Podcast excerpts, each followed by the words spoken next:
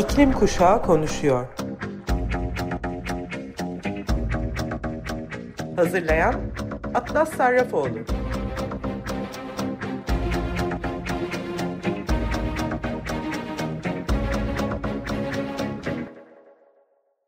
Merhabalar Sayın Açık Radyo dinleyicileri. İklim Kuşağı Konuşuyor programına hepiniz hoş geldiniz.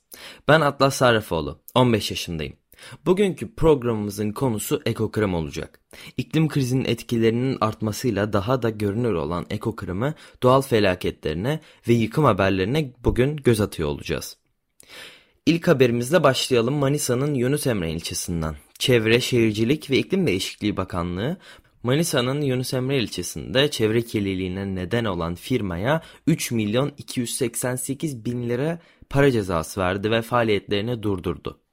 Geçtiğimiz günlerde bakanlık Erzincan İliç'te Anagold madenciliğin sahibi olduğu Çöpler Altın Maden Tesisindeki borudan sızan siyanür nedeniyle Anagold'a 16 milyon 441 bin Türk lirası idari para cezası kesildiğinde duyurmuştu.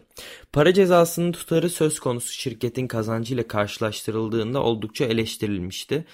Ee, Manisa Muradiye Orta e, Ölçekli Sanayi Bölgesi'nde e, faaliyet gösteren 3 fabrika 24 Haziran'da Yunus Emre ilçesine bağlı Karaali köyünün tarımsal sulamada kullandıkları kullan e, sulama kullanımına siyanür ve sülfür atıklarını bırakmış ve kanalın yakınında faaliyet gösteren bir fabrikada 8 işçi zehirlenerek hastaneye kaldırılmıştı.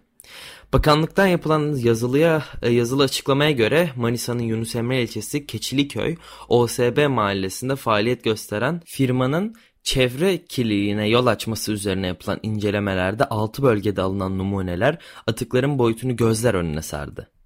Laboratuvardan çıkan sonuçlarla zehirli gaz ve su kirliliği iddialarının gerçek olduğu tespit edildi. Firmanın lisansı iptal edilerek faaliyetlerine son verilirken Türk Ceza Kanunu kapsamında adli soruşturma yapılması için Cumhuriyet Başsavcılığına da suç duyurusunda bulunuldu. Bakanlık denetim ekipleri gözetiminde bölgede temizleme çalışmaları başlatıldığını kaydetti. İddialar üzerine CHP Manisa Milletvekili Ahmet Vehbi Bakıroğlu ve Manisa Büyükşehir Belediyesi Meclis üyesi Bülent Mersin'i de bölgede incelemeler yapmıştı. Vatandaşın yıllardır yaptıkları şikayetlere sonuç almadığı öğrenilirken Bakıroğlu buranın sulama kanalı olmasına rağmen sanayi atıklarının buraya nasıl deşarj edildiğini anlamak mümkün değil. Buna nasıl izin, izin veriliyor? Gördüğümüz manzara gerçekten çok vahim. Kanalda su akmıyor, simsiyah bir sıvı akıyor demişti. Ağır koku ve yayılan gazlar nedeniyle kanala yaklaşmanın bile tehlikeli hale geldiğini belirten Bakıroğlu, Gediz Havası tarımsal üretim açısından önemli bir bölge. Manisa'da çok ciddi bir çevre felaketiyle karşı karşıyayız maalesef. Bugüne kadar hiçbir önlem alınmamış.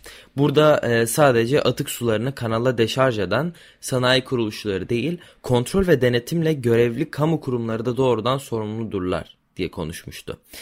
İHA'nın aktardığına göre e, Yunus Emre ilçesi Keçiliköy mahallesinde bulunan Manisa Organize Sanayi Bölgesi'nde bir fabrika çalışanları 24 Haziran'da gece mesaisi sırasında verilen molada fabrikanın yanından geçen sulama kanalından gelen gazla zehirlenmişti. Şimdi ise bu senenin yangınlarından hatta geçen senede Türkiye'yi kasıp kavuran yangınlar bu senede yaşanıyor. Bununla ilgili biraz haberlere bakıyor olacağız. Fakat şimdiki haber yangınların doğrudan yakıp e, sebep olduğu bir yıkım değil. Bu aslında biraz daha değişik. E, Orman Genel Müdürlüğü Orman Yangınlarıyla Mücadele Dairesi Başkanlığı yangın önleme çalışmaları kapsamında neredeyse milyonlarca ağacın kesilmesine ilişkin bir talimat gönderdi. Cumhuriyet'in haberiyle tekrardan gündeme gelen bu talimatın tarihi ise 27 Şubat 2022. OGM'nin tüm taşra ve merkez birimlerine Genel Müdür Bekir Karacabey imzasıyla gönderilen yazılı talimatta yüz binlerce hektar ormanlık alanın tarif edilmesi anlamına gelen şu ifadeler yer alıyor. Orman içi ve bitişinden geçen her türlü yolların kazı ve dolgu şevlerindeki ağaçların tamamının kesilmesi ve bu noktalardan itibaren her iki yönde topografik şartlar göz önüne alınarak 5 metre mesafeden tamamen tıraşlama yapılarak yanıcı maddelerin ortadan kaldırılması Talimat daha sonrasında ise 285 sayılı tebliğin 17. maddesi doğrultusunda her iki yönde 25-50 metre mesafede ara ve alt tabakanın temizlenmesi ve bakım müdahaleleriyle yanıcı maddelerin azaltılmasının sağlanması gerekli durumlarda kapalılık birebir indirilecektir şeklinde devam ediyor. Türkiye Ormancılar Derneği TOD bu talimata ilişkin 11 Nisan'da yayınladığı basın açıklamasında bu uygulamanın tüm ekosistemleri bozacağına dikkat çekerek amaç yangını önlemek mi yoksa üretim mi sorusunu soruyor. OGM tarafından verilen bu talimat orman ekosistemleri ve biyolojik çeşitliliğin devamlılığı açısından yanlış bir uygulamadır. Bilindiği gibi Akdeniz ormanları hassas ekosistemler olup zaten iklim değişikliği ve insan baskısının olumsuz etkisi altındadır. Bu denli geniş bir hat boyunca parçalanmanın yangınlara karşı bir mücadele yöntemi olması e, olarak açıklanması kuşku uyandırmaktadır. Dernek talimattaki hesaba göre yüz binlerce hektar orman alanında daha parçalanma yaşan, yaşanabilmesi ve orman örtüsünü seyrelerek sonuçta da ekosistem dengesini bozacağını öngörerek uygulamanın yangından daha çok zarar verebileceğini şöyle anlatıyor. Açıklamada OGM'nin insan orman etkileşimini daha aza indirme, yeterince teknik personel, halkın eğitimi ve katılımı, kurumlar arası güçlendirilmiş iş, e, caydırıcı cezalar, yeterli teknik ekipman, Arozöz ilk müdahale aracı, uçak, helikopter gibi sağlanması ee, ve en geç Mayıs ayı başı itibariyle yangına hazır hale gelinmesi gibi konular öncelik haline getirildiği e, belirtildi. Bahse e, konu bu talimat e, OGM'nin yangınlara karşı getirilerek e, ciddi bir e, yaklaşımdan uzak olduğunu da göstermiştir. Ülkemizde son yıllarda hem yangın sayısı hem de yanan alan miktarı artmaktadır ve bunun nedeninin iyi tespit edilmesi gerekmektedir. Bu bağlamda ormanların bu şekilde parçalanması mı çözümdür? Yoksa ormanlar üzerinde yangına neden olan insan baskısının azaltılması mı bir çözüm olmalıdır? Zaten yangınlardan e, bizim ormanlarımız harap oldu zaten parçalandı oradaki bitki örtüsü.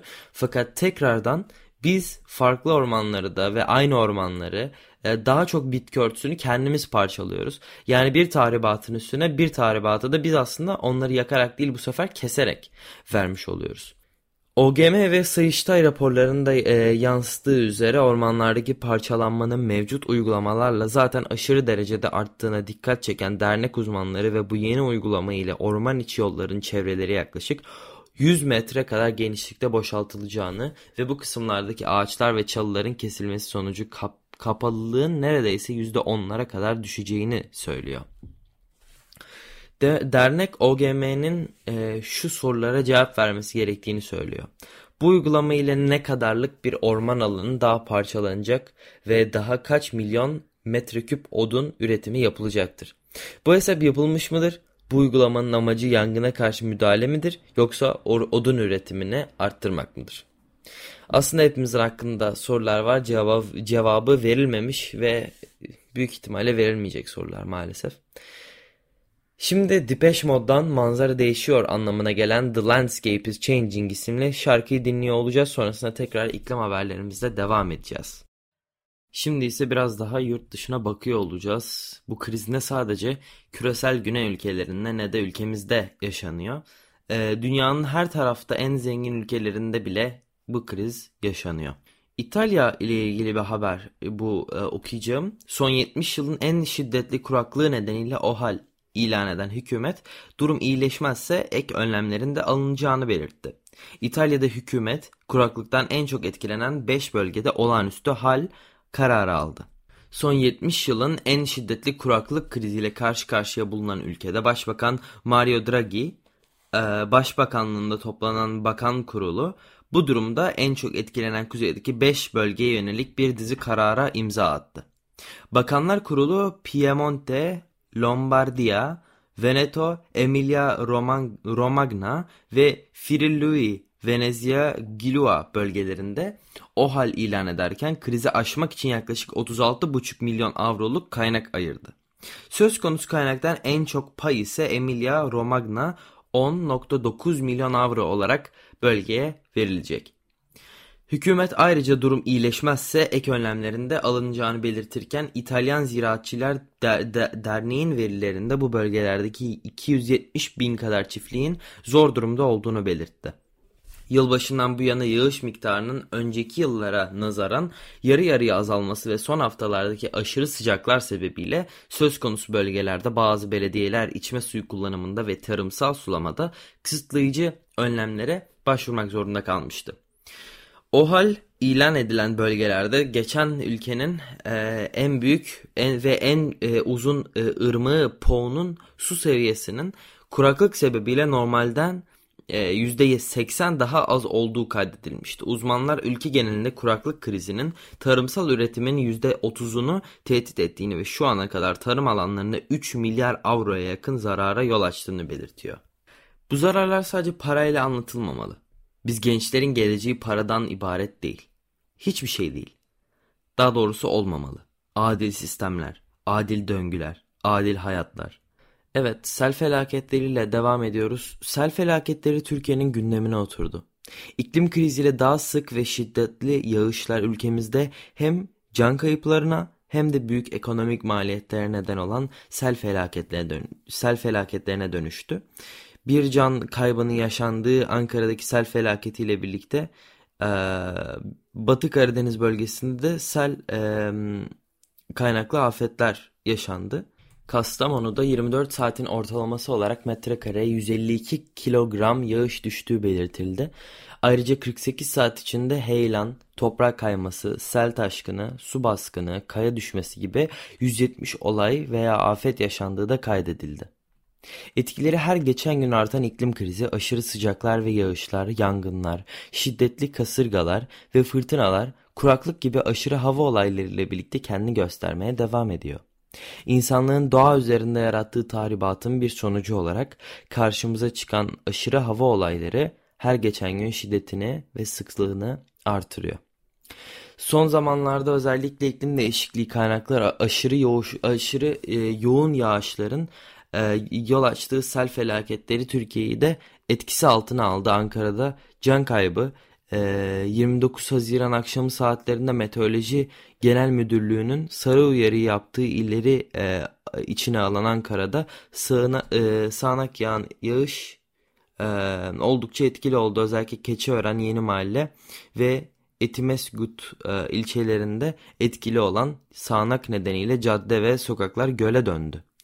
Sürücüler suyla kaplanan yollarda ilerlemekte güçlük çekerken bazı araçların suda sürüklendiği gözlendi. Keçiören ilçesinde yokuştan gelen sel suyunun binanın içine girmesiyle bir yurttaş yaşamını yitirdi. Kastamonu'da Tosya hariç merkezde e, dahil tüm ilçeler selden etkilendi. Çevre Şehircilik ve İklim Değişikliği Bakanı Murat Kurum 28 Haziran günü e, selden etkilenen Kastamonu Bozkurt'ta Kastamonu, Bartın, Sinop ve Zonguldak'taki sel felaketine ilişkin bir açıklama yaptı. Bakan kurum Kastamonu'da Tosya hariç merkezde tüm ilçelerinin selden etkilendiğini söyledi. Kastamonu'da 24 saatin ortalaması olarak metrekareye 152 kilogram yağış düştüğünü belirten kurum ayrıca son 48 saat itibariyle heyelan toprak kayması, sel, taşkın, su baskını, kaya düşmesi gibi toplamda 170 olayın ve afetin yaşandığını da açıkladı. Kastamonu'nun selden etkilenen ilçe ve köylerinde 135 konut, 27 dükkan, 6 kamu binası olmak üzere toplam 168 noktada su baskını veya kısmi hasar tespit ettiklerini, bazı noktalarda da çatılarda ve istinat duvarlarında hasarlar olduğunu anlattı. 27 Haziran sonrası yapılan sel ve yağışlar ardından hasar tespit çalışmaları sonucunda da e, toplam 13 binanın yıkıldığını, 11 binanın ağırlı hasar almış olduğunu e, ve 509 binanın da az hasarlı olduğu 7 ilde 20 bina e, acil yıkılacaklar listesine alındı. Can kayıplarına neden olan sel felaketleri ağır yıkım yaratıyor. Sel felaketleri farklı nedenlerden ileri gelebileceği gibi daha çok bölgelere hızla ve şiddetli şekilde düşen aşırı yağışlarla, e, nehir yataklarının taşıması, kıyı taşkınları ve benzeri olaylarla açıklanıyor. Yaşanan sel felaketleri can kayıplarının yanı sıra hasar ve yıkıma da neden olarak büyük ekonomik maliyetler yaratıyor. Evet sayın e, Açık Radyo dinleyicileri bir iklim kuşağı konuşuyor programının daha sonuna geldik. Şimdi Anoni'den 4 Degrees dinleyeceğiz. E, haftaya Cuma saat 2'ye dek kendinize ve geleceğimize iyi bakın. Görüşmek üzere.